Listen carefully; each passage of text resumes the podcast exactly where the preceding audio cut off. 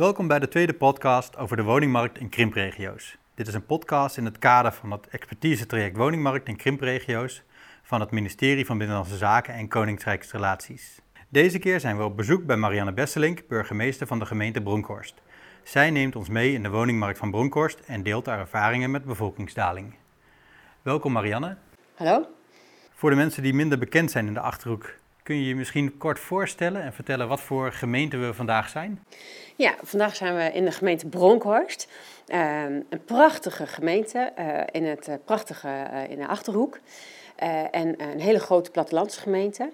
288 vierkante kilometer groot. Dus als ik van de ene hoek naar de andere hoek rijd, dan ben ik drie kwartier onderweg. Uh, en we hebben 44 kernen, um, waarvan wij een aantal iets grotere kernen hebben, die dan zo rond de 6.000, 7.000 inwoners tellen. En de rest zijn kleine buurtschappen uh, en uh, ja, een prachtige plattelandsgemeente. Dat viel ons ook al op toen we hierheen reden. Het ziet er echt ja, idyllisch uit bijna, hè? Dat is het zeker, ja. In onze vorige podcast spraken we met Jouke Spoelstra, die het woord krimp uit beleidsteksten heeft laten verwijderen. Uh, dat klinkt nogal drastisch. Uh, hoe zou je de aanpak hier in Bronkhorst willen omschrijven? Uh, de gemeente Bronkhorst ligt in de Achterhoek. Uh, en in de Achterhoek werken we eigenlijk op dit thema samen. Dus we hebben een Achterhoek-board waar we de drie, de triple helix in vertegenwoordigd hebben. Dus ondernemers, maatschappelijke instellingen, overheid zit daarin. en we hebben ook een Achterhoekraad, waar de raadsleden vanuit de Achterhoek in zitten om met elkaar te kijken hoe gaan we met dit thema om. Dus de Bronkhorste aanpak is eigenlijk gelijk als de Achterhoekse aanpak.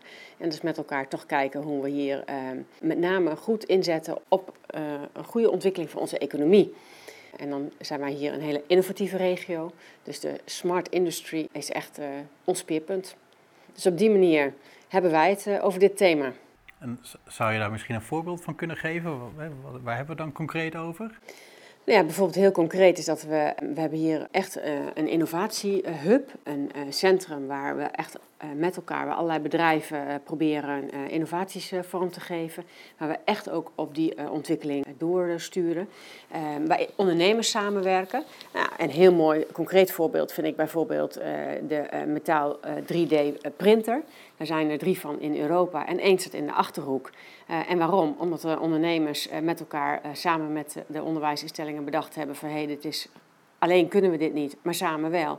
Er is rondgebeld en in no time was die investering rond doordat iedereen een klein beetje erbij deed. Het gebruik is ook keurig verdeeld. en dat is toch een hele um, grote innovatieve stap. En je ziet dat echt nou ja, heel veel high-tech bedrijven hier ook in de Achterhoek hun plek hebben. En op die manier, om dat goed te verenigen en daar goed op in te zetten en daarin uh, samen te werken, zie je dat we die slag heel erg kunnen maken. Ja, wat je, wat je eigenlijk zegt is van we zorgen ervoor dat we qua economie aantrekkelijk blijven. Ja. Met als vooruitzicht dat dat ook invloed heeft op eh, inwoners die hier blijven dan wel hierheen willen trekken. Ja, een van de belangrijkste uh, redenen om je ergens te vestigen is toch waar, uh, waar kan je werken. Uh, nou, waar kan je prettig wonen? Daar hoeven we het hier helemaal niet over te hebben, want dat is uh, evident. Uh, maar een belangrijk vestigingsfactor is natuurlijk, is er aantrekkelijk werk? En we zien nu, als je ook kijkt binnen die innovatieve bedrijven, hebben we ontzettend veel vacatures die onvervuld zijn. Dus er is hier ook echt ruimte voor, voor uitdagende banen. Dat is goed om te horen. Als je naar het vraagstuk van hè, verdeling, krimp kijkt, dan zie je vaak dat, dat er belangen botsen. Ja. Belangen van uh, nou ja, de provincie, die zegt van ja, maar hè, de bevolkingsprognose zegt het volgende. Hè, dus jullie krijgen een x-aandeel in, uh, in de groei, dan wel in de krimp. Vaak tegenover hè, inwoners van de dorpen, die zeggen ja, maar mijn kinderen moeten wel in ja. het dorp een huis kunnen kopen en er wordt niet meer gebouwd. Ja. Uh, projectontwikkelaars die iets willen, uh, aan de andere kant inderdaad hè, ondernemers die, die iets willen, maar ondertussen hun, hun basis zien afnemen. En heel vaak zit het, nou ja, het college, of de burgemeester en, en de wethouders, die zitten een beetje daartussenin. Ja. Kun je uitleggen hoe je daarmee omgaat? Ja, het is een hele pittige discussie hier ook geweest, ook in de Achterhoek. en we hebben echt goed gekeken naar wat de cijfers van de bevolkingsdaling, wat de prognoses waren. En er is eigenlijk nou, tot, tot voor een jaar of drie is er heel hard ingezet op het zorgen dat woningbouwplannen die er wel waren, maar niet tot ontwikkeling kwamen omdat er te weinig vraag was, dat die uit de voorraad zijn geschrapt, zo noemen we dat dan. Dus daar is echt behoorlijk op geschrapt met elkaar. Want als je dat als één gemeente doet en jouw buurgemeente doet dat niet, ja, dan krijg je ook oneerlijke concurrentie en schiet het niet op. Dus we hebben dat met elkaar in de achterhoek ook aangepakt met regionale uh, afspraken, ook met de provincie die daarbij betrokken was. Uh, en we constateren uh, nu eigenlijk dat we in een hele bijzondere periode zitten. Omdat je bij bevolkingsdaling gaat het heel erg om het aantal huishoudens wat je nodig hebt. Niet over het aantal mensen wat er woont, maar hoeveel huizen hebben we nodig. En je ziet dat de, de prognose aangeeft dat ja, de komende tien jaar ongeveer er nog meer huizen nodig zijn dan we nu hebben. En daarna zie je dat dat terugloopt. Uh, en dat maakt dus een heel ja, een momentum waar je nu in zit, dat je wel moet faciliteren dat er meer huizen beschikbaar zijn, maar heel goed moet nadenken over hoe doen we dat dan? Want in de toekomst weten we dat we toch minder huizen nodig hebben. ja, en een huis die bouw je over het algemeen niet voor tien jaar, toch net voor iets langer. Dus daar moet je ook voor de lange termijn goed over nadenken. en eigenlijk is met elkaar dus nu afgesproken in de Achterhoek, in samenwerking met de provincie, we bouwen naar behoefte. En het moet dan aan een aantal voorwaarden voldoen. Dat het toekomstbestendig is, dat het ook echt aantoonbare behoefte is. En dat is niet zo een beetje sonderen van, joh, zou iemand hier willen wonen? Ja, dan steken uh, allerlei mensen hun hand op. Maar dat gaat echt uh, veel concreter van, hebben we dan ook echt daar, uh, ik zou bijna zeggen, de handtekeningen voor op papier staan als we dit gaan ontwikkelen. Dan komen daar ook mensen wonen. Ja, en dat levert ook weer een interessant proces op. Maar dat betekent uiteindelijk ook wel dat over tien jaar er toch ergens woningen overblijven. Nou en, en, en dan zou je willen dat dat niet de woningen zijn die net uh, gebouwd zijn, maar dan zou je willen dat dat de woningen zijn waarvan je met elkaar zegt, nou ja, weet je, die waren toch al een keer aan uh, vervanging toe uh, en dan is dat allemaal, dan is daar enigszins op te sturen. Waar wij specifiek voor Broncos heel goed naar gekeken hebben, is van wat is nou, waar ligt bij ons nou heel erg de behoefte? En wat wij zien is dat, uh, nou, wat je zelf net aangaf, dat het heel erg zit bij de jongeren. Uh, die willen eigenlijk hier heel graag blijven. Uh, en dat is toch best lastig op onze woningmarkt om als jongeren toe te treden. En dat heeft niks met Broncos te maken, maar dat is in algemeen al heel ingewikkeld. En je ziet hier ramen waar dat de woningprijzen in de gemeente Bronkhorst nou, best nog wel aan de hoge kant zijn. En je ziet dat wij heel erg behoefte aan seniorenwoningen hebben. En dat heeft ermee te maken dat heel veel mensen ja, toch ook hier op het platteland grote, riante woningen met veel tuinen hebben. En tegen de tijd ze wat ouder worden, toch naar een wat compacter huis met een compactere tuin willen. En als je die beweging op gang kan brengen, hebben zij dus behoefte aan een kleinere plek. En dat levert gelijk weer ruimte op voor jongeren die willen starten. Maar over het algemeen dan weer niet op zo'n groot vastgoedproject kunnen inschrijven. Dus dat is echt nog wel een ingewikkeld verhaal. En zijn dan die woningen die de ouderen achterlaten, zijn, zijn dat wel de betaalbare woningen inderdaad die die jongeren kunnen betalen? Nee, dat zijn of niet... heb je dan een extra stapje nodig ja, dan in heb de verhuisketen? Je, ja, dan heb je eigenlijk een extra stapje nodig of een andere aanpak. Uh, dus waar wij ook de afgelopen jaren nu op ingezet hebben, is het kijken dat woningsplitsing mogelijk is. Want zo'n groot object, ja, dat is voor een starter uh, lastig te betalen. Maar kan je daar met twee, drie starters terecht, ja, dan lukt dat misschien uh, wel weer. Familie, generatie wonen is hier toch nog traditioneel. Hè? Toch dat de kinderen eerst bij pa en moe intrekken en vervolgens de rollen omdraaien en pa en moe bij de kinderen zijn ingetrokken.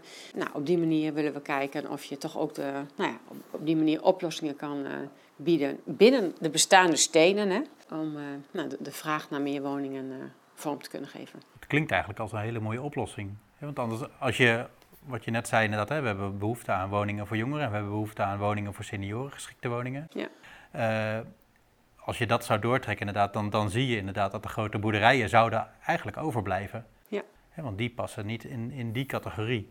En door ze dan op die manier in te zetten, ja. maak je ze dan toch geschikt en daarmee toekomstbestendig. Ja, ja. dus we hebben in ons beleid ook uh, uh, expliciet een uh, ruimte opgenomen voor, voor experimenten.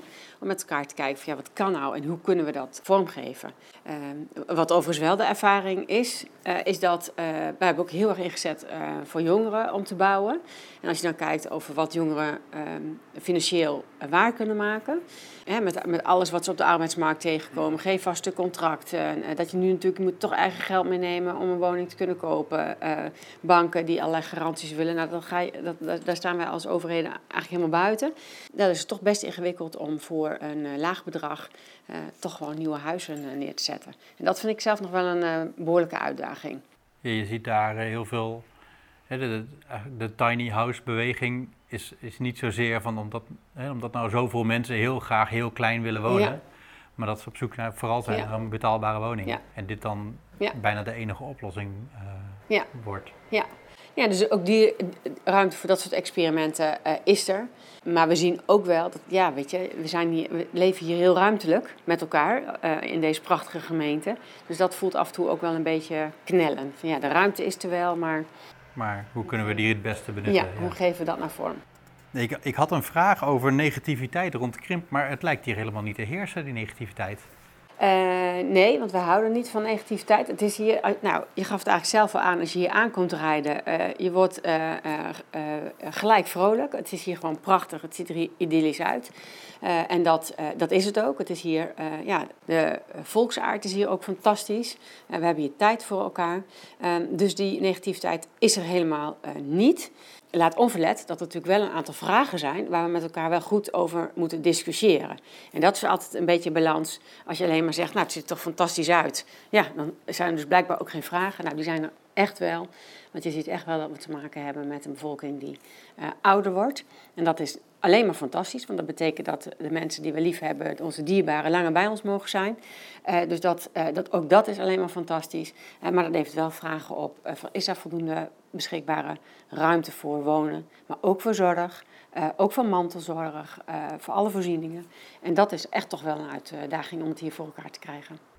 Ja, want je zei, we hebben, we hebben meer dan 40 dorpen in deze gemeente. Ik neem aan dat niet in elk dorp, zeg maar, uh, senioren heel goed kunnen wonen met, met voorzieningen dichtbij. En dus dan gaat het ook over bereikbaarheid. Dan gaat het ook over inderdaad, hoe kom je van, van je woning naar ja. Uh, een dagvoorziening, een winkel, een huisarts. Ja. Hebben jullie daarover nagedacht? Um, dat zijn allemaal vraagstukken die wij ook met onze inwoners uh, bedenken.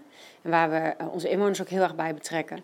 En dan zie je dat eigenlijk allerlei mensen verschillende wensen hebben. Want sommige mensen willen juist iets meer naar een centrum, dat ze alles onder handbereik hebben en de voorzieningen dichtbij hebben. Terwijl andere mensen zeggen, ik heb mijn hele leven op het platteland gewoond, ik moet er niet aan denken dat ik naar de drukte van het dorp ga. Nou, en daar moet je met elkaar dus ook continu een hele ingewikkelde afweging in maken van wat is nou, hoe behoud je voorzieningen door dingen te concentreren versus hoe geef je mensen eh, de ruimte om ook naar hun eigen wens eh, te wonen. En dat zijn natuurlijk eh, af en toe hele ingewikkelde discussies. maar dat gaat ook over voorzieningen als sporthallen, winkelgebieden, nou, zorgvoorzieningen, onderwijsvoorzieningen. Ja, hoe geef je dat vorm? En dat zie je nu eigenlijk terug in alle randen van Nederland. Hè? Dat, dat die, juist die voorzieningen die staan onder druk.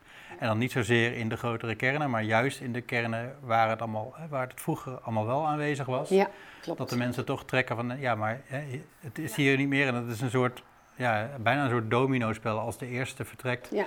dan vertrekken de mensen. En dan vertrekt daarmee als het ware de basis onder de basisschool, die vertrekt. Totdat er uiteindelijk helemaal niks meer overblijft. Wat heel veel mensen ook zien als een soort natuurlijk gegeven. Want het is nou, nou eenmaal zoals het is.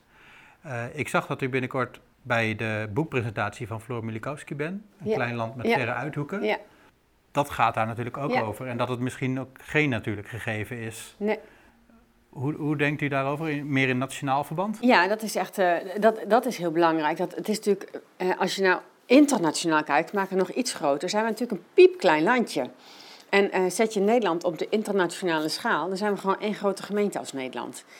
en hoe kan het dan dat we in in, in zo'n klein gebiedje, als Nederland internationaal gezien eigenlijk maar is, uh, dat we zulke grote verschillen hebben dat we alles op een nog kleiner gebiedje willen proppen, terwijl de ruimte van, um, voor andere delen van Nederland echt ruimte biedt voor ontwikkeling. Dus dat is ook waarom we continu ook in gesprek zijn met, met de ministeries en met politiek in Den Haag. Jongens, Nederland is te klein om zulke grote verschillen te laten ontstaan. Vanuit de provincies is al een tijd geleden een mooie nota gekomen van Nederland in Balans, die dat eigenlijk ook agendeert. Van zorg nou dat je dat doet. Er zijn diverse wetenschappers die, die dat al aangegeven hebben. Van joh, spreid het nou een beetje. Dus we hechten heel erg aan een goede bereikbaarheid. We zitten nu natuurlijk in een hele bijzondere tijd, in de coronatijd, waar we eigenlijk allemaal uh, uh, ontzettend uh, versneld geleerd hebben hoe digitaal samenwerken gaat. nou, lost weer een heleboel barrières op, waardoor Nederland eigenlijk nog kleiner wordt, dus waar we elkaar nog makkelijker kunnen vinden. En ik hoop van harte dat juist dit vraagstuk, ook in deze coronatijd, ons een andere blik gaat werpen op hoe wij Nederland zouden moeten willen inrichten. En het is hier nog niet zo ver in de achterhoek dat we echt huizen moeten uh, slopen en moeten verwijderen uit de voorraad. Dat klinkt iets vriendelijker dan slopen, maar dat is ongeveer hetzelfde. Uh, en als je in het Westen uh, van gekkigheid niet weet hoe je moet investeren tegen enorme kosten uh, om op, op super dichtbevolkte plekken nog extra te investeren. Ja, wellicht als je ietsje uitzoomt, is dat een heel raar gegeven. Ja. En kan je veel beter investeren in goede verbindingen niet alleen digitaal, maar ook uh, fysiek, uh, om snel over en weer te zijn. En kijk dan eens wat voor een prachtige ontwikkeling je kan laten plaatsvinden in, in Nederland in zijn totaliteit. En als we dan teruggrijpen op het begin van dit interview, wat je zegt, economie is de basis om mensen te behouden. Ja. Dan hoort dat er natuurlijk ook bij. Niet alleen maar ja. bereikbaarheid hè, van ja. je woning naar je werk, maar uiteindelijk ook het werk gewoon weer terug laten komen in de regio's. als dat weg is getrokken. Ja, zeker. Ik denk dat die spreiding enorm van uh, belang is. En ik hoop ook daar, daar dat, zeg maar, deze coronatijd uh, ons wat de ogen uh, doet openen.